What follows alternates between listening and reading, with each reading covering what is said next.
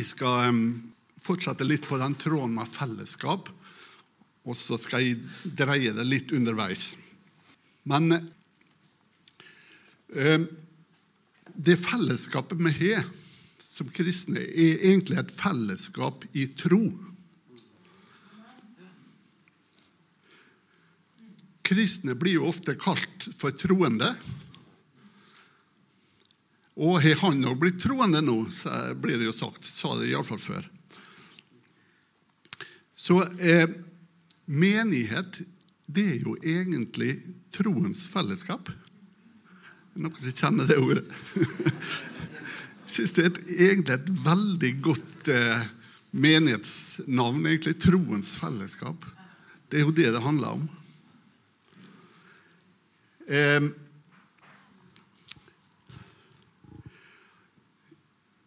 Peter, I innledninga til andre Peters brev så, så skriver han Han adresserer brevet sitt. da. Han adresserer ikke til noen spesiell menighet, men han adresserer det til, til den som har fått den samme dyrebare tro som vi. Andre Peter 1.1, hvis du, var det sånn at du kunne få opp på skjermen verset her? Ja. Til den som har fått den samme dyrebare tro som vi. Det er det som bedt oss sammen. At vi har fått den samme tro. Den samme dyrebare tro. Det er det mest dyrebare vi har. Troa på Jesus Kristus og alt det han har gitt oss. Det er det som er løsningsordet. Så jeg ser på svensk i stedet for passord. Løsningsordet. Det er troen. Jesus er der alltid. Jesus er der. Han er frelst alle sammen. Han har tatt synda til alle sammen som vi har til her. Ikke bare at han har tatt synda, men han tar syndenaturen vår òg når vi blir født på ny. Men det er troen som er løsningsordet inn til det Jesus vil gi oss. Og Så kan vi spørre oss da hvordan står det til med troens fellesskap mellom oss? Bygger vi hverandre opp i tro? Lytter vi til forkynnelsen? Bruker vi tid i ordet?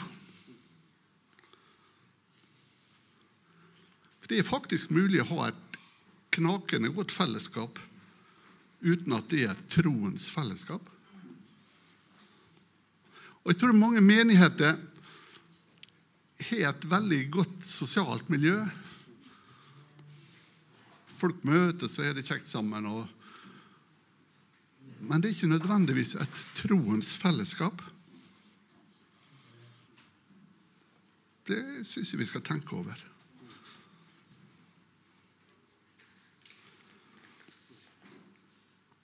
Som dere skjønner, så er det tro det skal handle litt om i dag.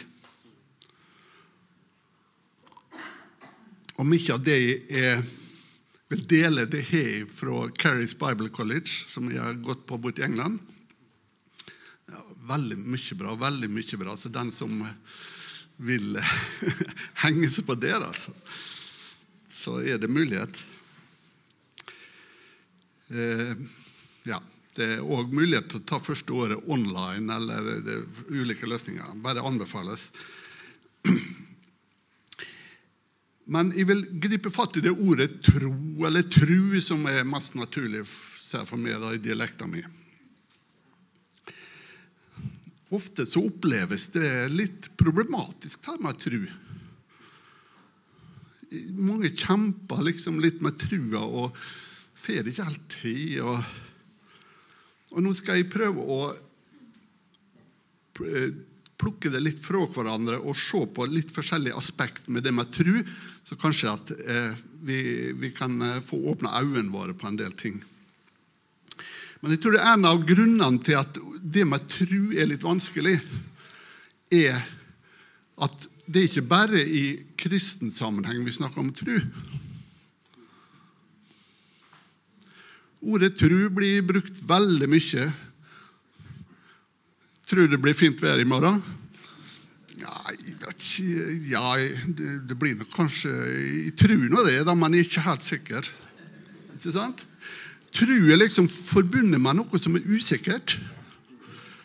Og Jeg leste et leserinnlegg i, i Bustik, og det var en debatt der. Det var en advokat, som dere sikkert kjenner, de fleste av dere, som kom med følgende uttalelse.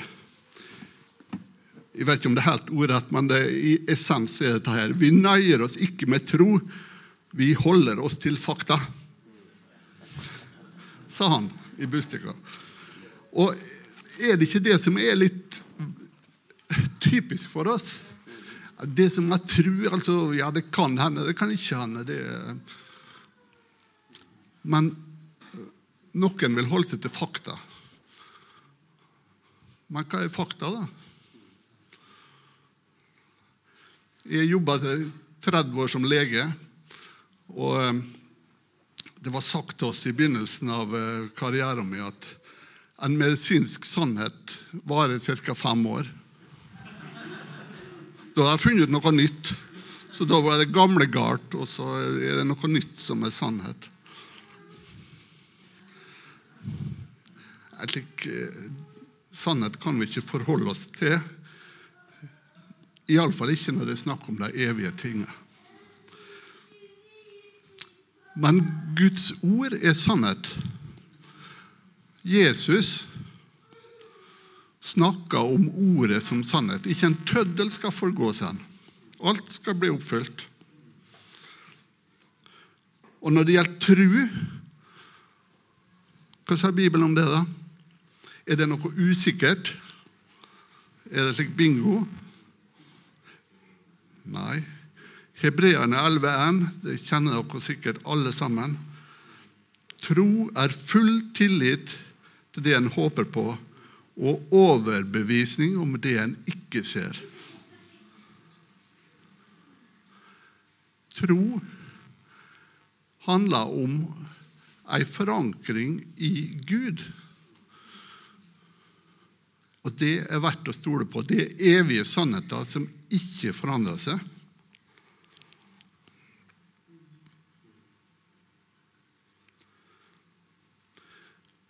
Jeg tror han tror han Osborn, han T.L. Osborn som sa det en gang, at uh, tru det er å forholde seg til at Gud faktisk mente det han sa.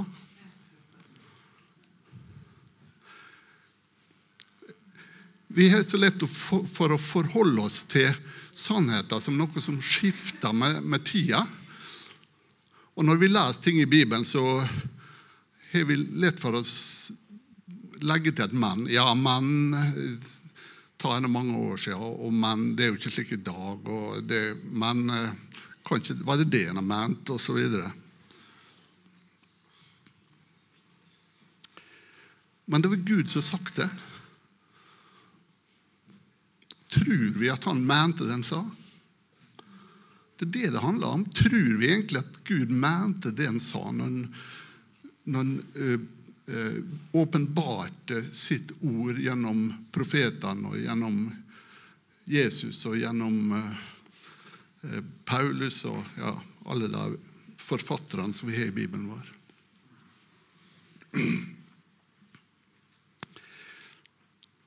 I vi kan se litt på et ord i Gamletestamentet, Salomos ordspråk, kapittel 4, vers 20-22.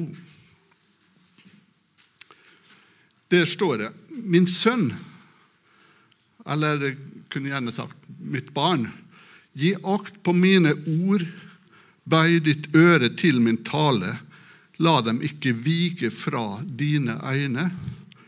Ta vare på dem i dypet av ditt hjerte. For de er liv for den som finner dem, og helse for hele hans legeme.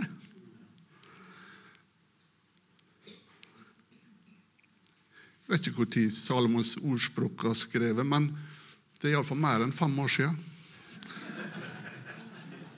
Og den sannheten gjelder fortsatt i dag. Men det som er litt rart med dette verset her, det står La dem ikke vike fra dine øyne. Og Mange har brukt det som et argument for at vi skal lese Bibelen. Vi skal ikke bare høre eller lytte til forkynnelsen, men vi skal lese Bibelen. Ja, vi kan godt bruke det på den måten. Men når dette her var skrevet, så hadde de ikke Bibelen.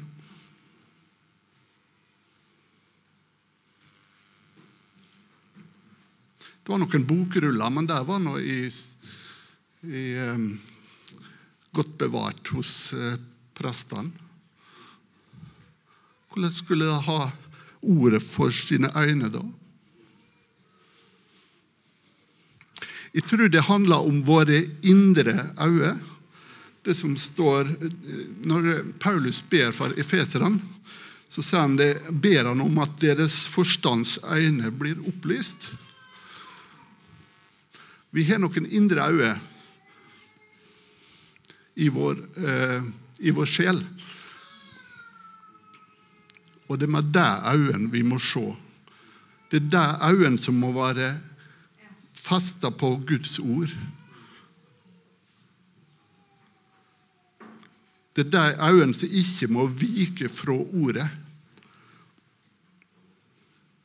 Det er de øynene som kan ta vare på ordet djupt i vårt hjerte, slik at det blir liv for de som finner det, og helse for hele hans legeme. Så hvis du begynner å undersøke hjertet ditt, hva som fyller hjertet ditt, er det Guds ord? Eller finner du noe annet der?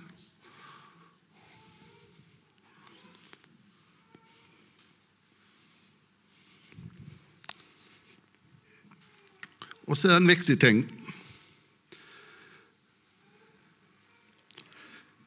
Troe, jeg leste nettopp at troen kommer av forkynnelsen og forkynnelsen av Guds ord. Men troen kommer ikke av mirakel. Det er Mange som tror det at hvis de bare hadde sett en helbredelse på nært hold, sett noen som eh, blinde som ble seende. Da skulle jeg tro. Men det funka ikke slik. I Lukas-evangeliet så er det en litt eh, eh, merkelig historie. Og Det handler om eh, den rike mannen Lasarus. Eh, Eh, Lasarus var en fattig fattiglus som lå attmed porten til, til, den rike mannen og tigga. Og så, men så døde de begge to. Og det, Den rike mannen han gikk ned i fortapelsen. Mens Lasarus eh, kom i Abrahams favn, som det står. Vi kan godt eh, oversette det med himmelen. Vi vet ikke helt hvordan det er. Men, men det var iallfall slik at uh, den rike mannen uh, trivdes ikke noe særlig godt der som han var. da. Han var liksom utafor komfortsona si. Så han tok iPaden sin og så sa han at de ser på Facebook at du Abraham, er det ganske kult der oppe som du er. Kunne ikke du sende Lasarus ned hit med en dråpe vann, så jeg fikk, fikk eh, leske tunga mi? Sånn. Og så eh, svarer han eh, Abraham med et smilefjes. Nei, den går nok ikke, for det er ei stor kløft mellom oss. Ja, men så skriver han den rike mannen tilbake. Ja, men jeg har fem brød. Kunne ikke det stå og advare deg, da? Send en, eh, send en eh, Lasarus og advare deg, så ikke det òg kommer til dette pinens sted, står det. Legger ikke noe mellom Bibelen sjøl. Men da er det det kommer svaret fra Abraham som tikker inn på iPaden. Hvis de ikke hører på Moses og profetene, vil de heller ikke bli overbevist selv om én sto opp fra de døde. Så vi kan springe rundt på helbredelsesmøtet og prøve å bygge opp troa vår med å se at folk blir helbreda. Men det står fast at det er Guds ord som skaper tro i oss. Det er ikke det vi ser. Og det maner oss til å bruke tid i ordet, ikke sant? Og så er det dette der med at trua er ei gave.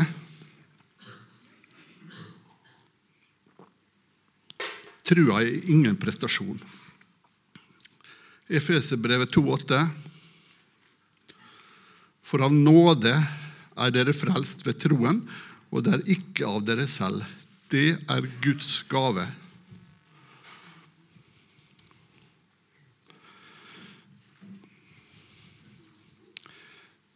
Noen prøver å diskutere ta det og sier at ja, nåden det er det som er Guds gave.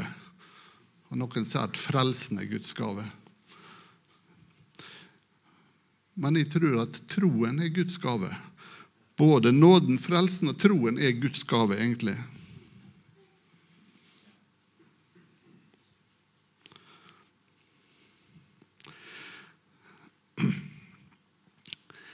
Jeg skal, jeg skal underbygge det litt mer. I eh, Romerbrevet 12,3 Nå bruker jeg en del bibelvers her, men det, jeg liker så godt å bruke bibelvers. For hvis du underbygger det du ser med bibelvers, så er det ikke min mening, men da er det Guds ord.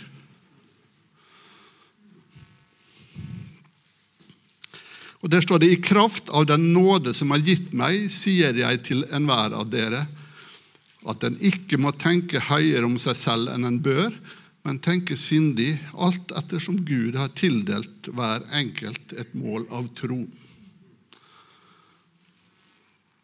Når vi leser det der, så, så tror jeg janteloven dukker opp i hodet på mange av oss. Ja, du må ikke komme her og komme her. Du må ikke tro at du er noe. Du, du har ikke fått så mye tro. Nei, det er han han eh, Erlend Indergårds har fått mye tru, eller han eh, Ja, you name it. Men det er ikke i.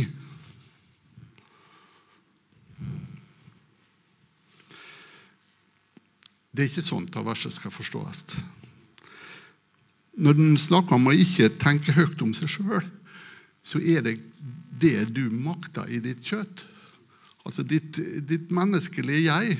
Du må ikke tenke høyt om det. Men Gud har gitt hver enkelt av oss et mål av tro som er like stort til alle sammen. Det er det det betyr.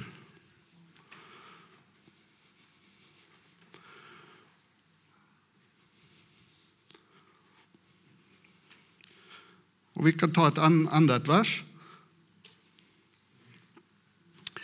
2. Peters brev 1.1. Det nevnte jeg i stad, men nå et litt annet aspekt.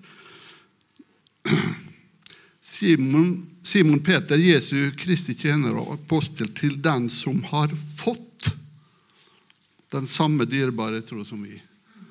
Ja, fått henne. Den samme dyrebare tro har vi fått. Er ikke det herlig da at vi skal slappe å prestere noe tro sjøl? Vi har fått det. Det er installert på harddisken inni her. Det er bare å aktivere den uh, fila, og så har vi det.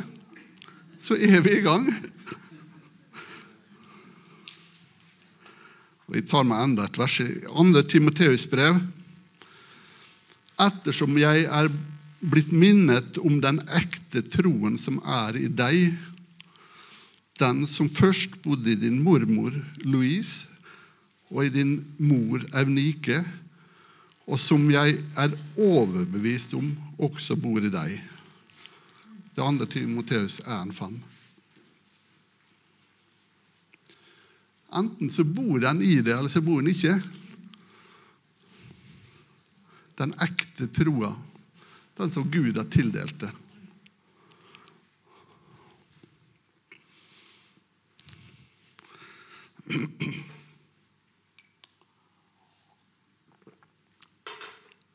Og så skal vi bli enda mer dristige her. Slå opp i Galaterne 22.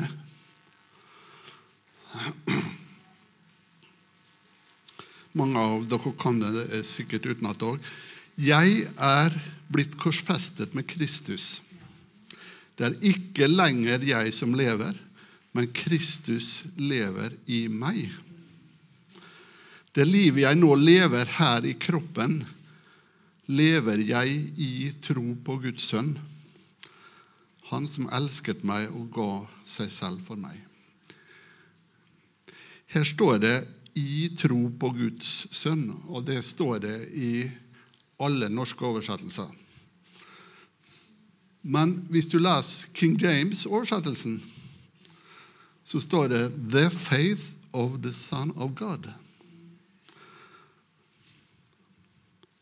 Altså, det livet jeg nå lever her i kroppen, lever jeg ved Guds sønns tro.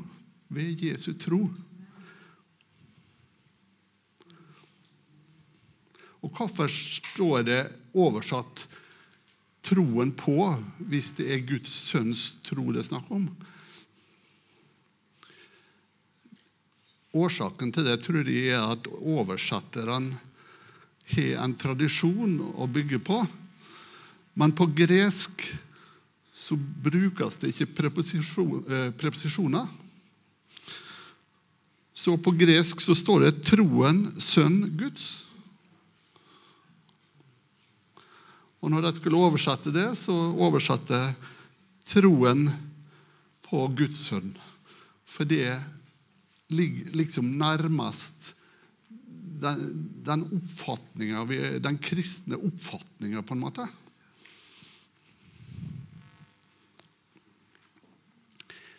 Men jeg tror at vi har fått Guds sønns tro, vi har fått Jesu tro, for han har flytta inn i hjertet vårt.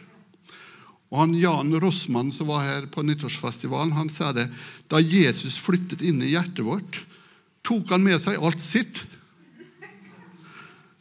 Sin tro, sine gaver, sin kraft, sin nåde, sin kjærlighet, åndens frukt osv. osv. Og alt av det er til vår disposisjon når Jesus bor i hjertet vårt. Er ikke det herlig, da? Da har vi ikke et trosproblem. Vi har Jesu Kristi tro i oss. Det er bare å ta i bruk.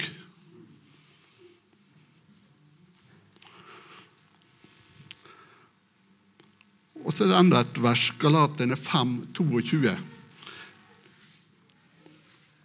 Der står det om åndens frukt.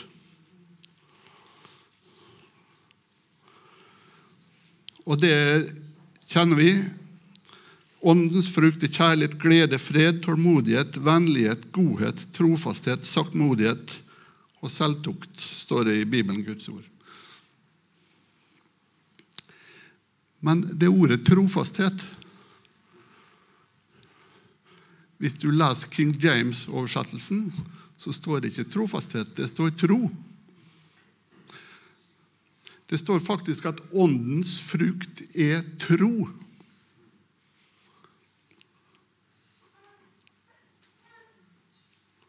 Ja, Det kommer trofasthet til slutt. Og så tenkte jeg ta meg og sjekke opp nøye. Er det noen som kjenner til den eh, Blue Letter Bible? Opp med hånden for å se hvor mange som bruker den av og til. Ja, det var ikke mange. Den kan du laste ned, og da får du den greske og den engelske teksten sidestilt attmed hverandre. Er veldig artig å, å, se på enkeltvers på den måten. Det går ikke an å lese Bibelen på den måten, men du kan se på enkeltvers. Hvis du går inn der så finner du at på gresk, der det står trofasthet, så står det ordet 'pistis', som betyr tro. Og all, veldig mange andre plasser i Når, når Jesus eh, helbreder den lamme som blir senka ned gjennom taket, ikke sant? så sier Jesus 'Din pistis har frelst deg'. Altså, din tro har frelst deg. Og når den uh, offiseren som, som uh, sa de at bare si et ord, så skal tjeneren min bli frisk. Så sier Jesus slik pistis har jeg ikke sett i hele Israel. Sånn. Slik tro har jeg ikke sett i hele Israel. Det er akkurat samme ord som blir brukt. Så hvorfor de er oversatt til trofasthet, det skjønner jeg ikke. Men Nå har jo ikke tatt utdannelse i gresk heller. Men King James er iallfall enig med meg. Han er oversatt med tro. Og han Andrew Womack, som er grunnlegger av den Carries Bible College, som jeg gått på, han òg hevder at den rette oversettelsen er tro. Han Andrew sier det at vi er ikke i stand til å tro. Sen. Menneskelig sett så er vi ikke i stand til å tro. Vi er nødt til å få den trua hvis vi skal klare å tro. Vi tror på Gud. Men hva med sett Gud? Ingen. Vi kan ikke bruke sansene våre til, å tro på Gud. Vi tror på Jesus. Ingen av oss har sett Jesus. Vi tror på himmelen. Ingen av oss har vært der. Vi tror på livets bok. Vi har aldri sett henne. Vi har ingen garanti for at Vårt navn er skrevet i livets bok, men vi tror det. Så hvis vi ikke hadde Jesu tro i oss, så har vi ikke kunnet trodd. For det er ikke med menneskelig fornuft at vi kan tro. Det er helt utenom all fornuft å tro. Og Det er derfor, så, derfor advokaten sier at vi holder oss ikke til tro, men til fakta det er den alminnelige oppfatninga i befolkninga at, at eh, du, du, må ha noe håndfast. Derfor så må vi få den trua fra Jesus. Men den dagen vi tar imot Han, så har vi fått trua. Og fra da av handler det bare om å, å ta henne i bruk. Nå har jeg en følelse av at de bruker lang tid. Gjør de det? Jeg så ikke på klokka når jeg starta.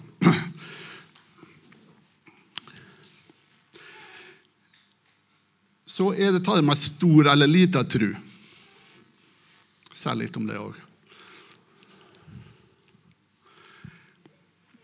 Det er jo vanlig og i vårt språk at vi snakker om at å ja, han har så stor tru, og han har så lita tru.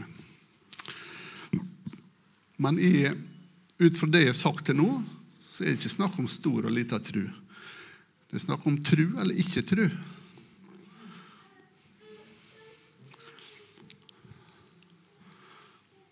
Hva du skal sammenligne med. Hvis du har en, bil, bilnøkkel for å starte bilen, og alle som har en slik bilnøkkel, han får starta den samme bilen. Det er ikke snakk om en stor bilnøkkel enn en liten en. Det er bare snakk om å bruke den du har. Og da virker han. Ikke sant? Og, og, Det er litt artig. I Lukas 17, fra vers 5 til 6, så ber apostelen om å få større tru. Det er faktisk eneste gangen i Bibelen at de ber om å få større tru. Apostlene sa til Herren, 'Gi oss mer tro.' Da sa Herren, 'Hvis dere har tro som et sennepsfrø, kan dere si til dette morbærtreet:" 'Rykk deg opp med røttene og plant deg i havet, og det skal lyde dere.'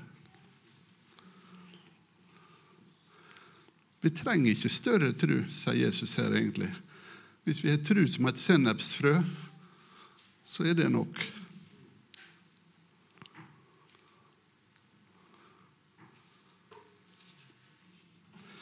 Det er litt merkelig akkurat denne historien der gir oss større tru. Hva tror dere, eh, Hva slags situasjon var det at disiplene ba om å få større tru? Var det når en skulle mette 5000? Eller var det når Peter gikk på vannet? Eller var det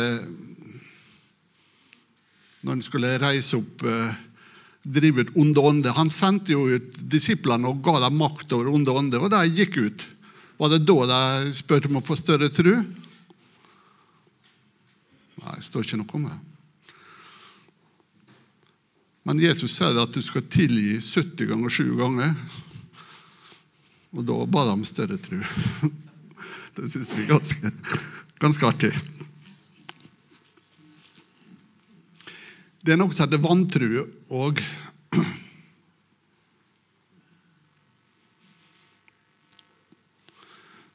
Og det er et bibelvers der eh, fra Markusevangeliet. Det er den kjente historien om den gutten som hadde sånne krampeanfall. Den er gjengitt i andre evangelium òg. Men i Markus 9 så står det noe som ikke står de andre plassene. Vi kan lese hva som står der. At det er han faren som kommer og sier til Jesus hvis du kan, sa han, så må du hjelpe meg. Jesus svarte hvis du kan tro. Alt er mulig for den som tror. Barnets far satte straks i å rope og sa med tårer, Herre, jeg tror, hjelp min vantro. Jesus protesterte ikke på det. Han korrigerte ikke en mann. Han tok imot det en sa, og helbreda gutten. Og Det viser egentlig det at tro og vantro kan vi ha samtidig.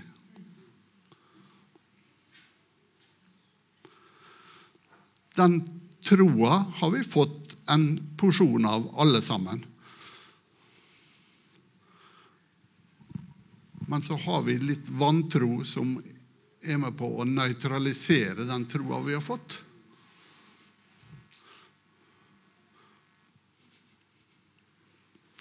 Vantro det er på en måte negativ tro.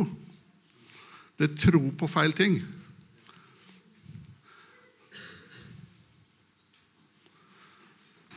Hvis du får kreft, for å ta det tilfellet, bare et eksempel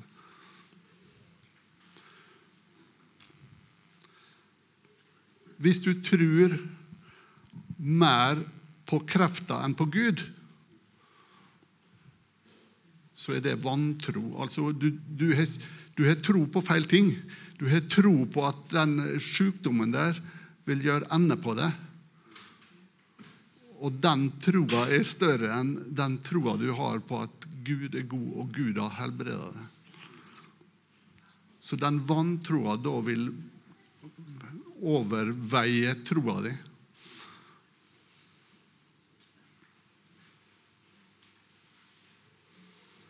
Vi kunne snakka sikkert veldig mye om dette, men da blir det for langt.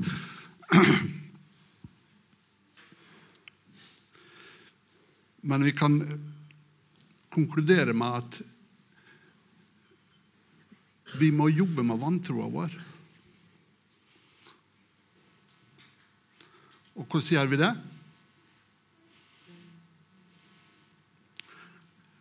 Bønn og faste, ja, sa Liv Elinor. Det er helt korrekt. Men det var egentlig ikke det svaret jeg var ute etter.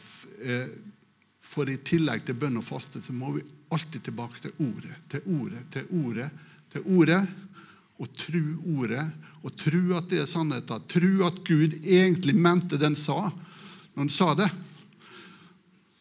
Ikke bortforklare det med at vi lever i en annen tid, eller uh, det som ikke verre for oss enn det var på Jesu tid, osv.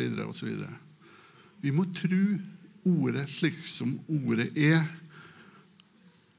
Og det får bort vantroa vår. Og bønn og faste er en del av det.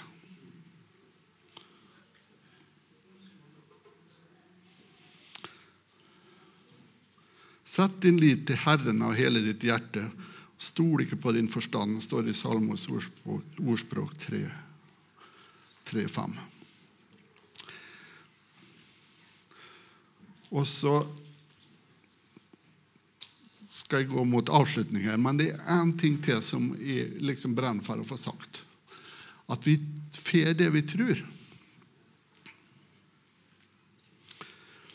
Det kommer to blinde til Jesus, og, og så vil bli helbreda. Og så sier Jesus til dem, tror dere at jeg makter å gjøre dette? Ja, svarer de. Det tror de. Og det var på en måte inngangsporten for at Jesus kunne røre ved øynene deres.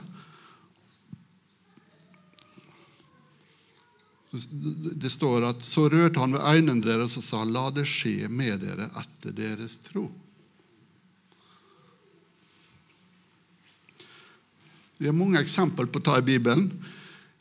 I Matteus 9 så er det to eksempel. Det ene er ei kvinne med blødning. Hva var det hun, hun trodde, da? Noe veldig rart, egentlig. Hun trodde at hvis hun fikk ta i kanten av kappa hans, så skulle hun bli helbreda. ikke det rart, da? Hvis noen tenkte at hvis de bare får tatt i bukselåret til en Tarald nå, så blir helbreda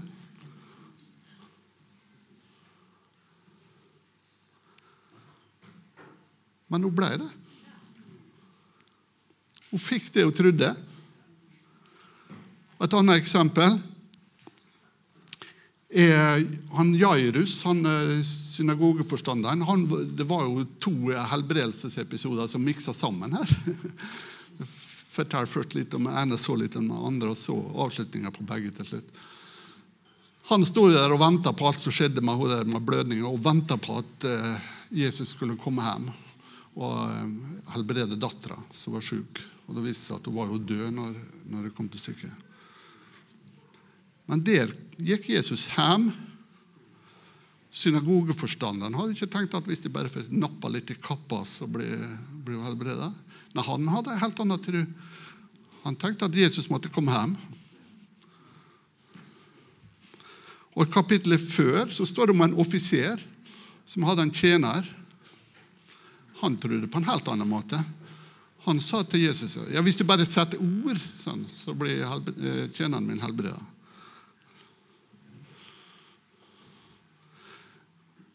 Og det ble han. Det står ikke engang at Jesus sa et ord. Han ble helbreda uansett.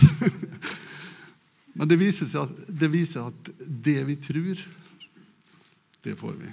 Altså Gud besvarer eh, etter trua vår. Det syns jeg er veldig stilig.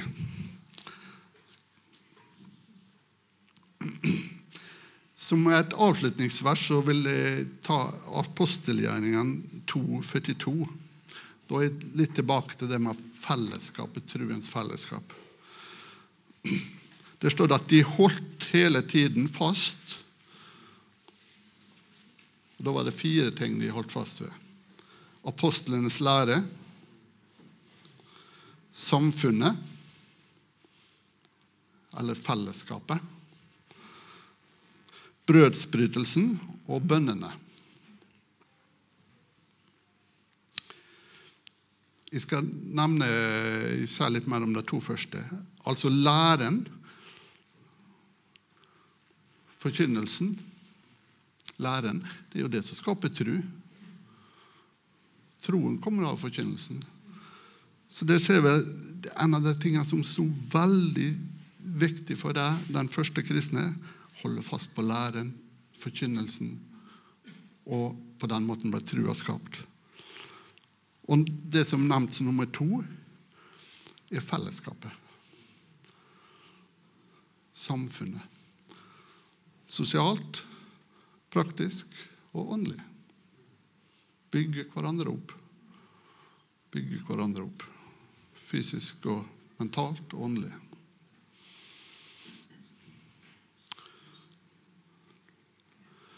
Og så som en liten appell til slutt Hvis dere husker bare ett vers, så husk dette her. Den rettferdige, ved tro skal han leve. Vi skal leve ved tro, alt vi foretar, foretar oss. Når du gjør innkjøp, når du er på jobb, Når du tar oppvasken, når du skifter bleier, når du eh, snakker med naboen, når du gjør økonomiske dis, eh, disposisjoner, når du tar store valg i livet, små valg, store valg, hele tida var i kommunikasjon med Gud. Bruk din tro.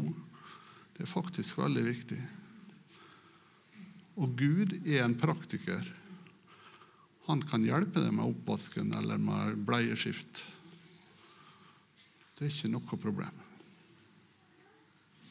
Vi tror at det åndelige er mer åndelig enn det. Det er ikke det. Den rettferdige skal leve ved tro. Det verset er gjentatt mange plasser i Bibelen. Romene 1, 17, Galatene 3, 11, Hebreene 10, 38 og flere plasser i Gamle Testamentet. Den rettferdige skal leve tru. Husk det. Takk for meg.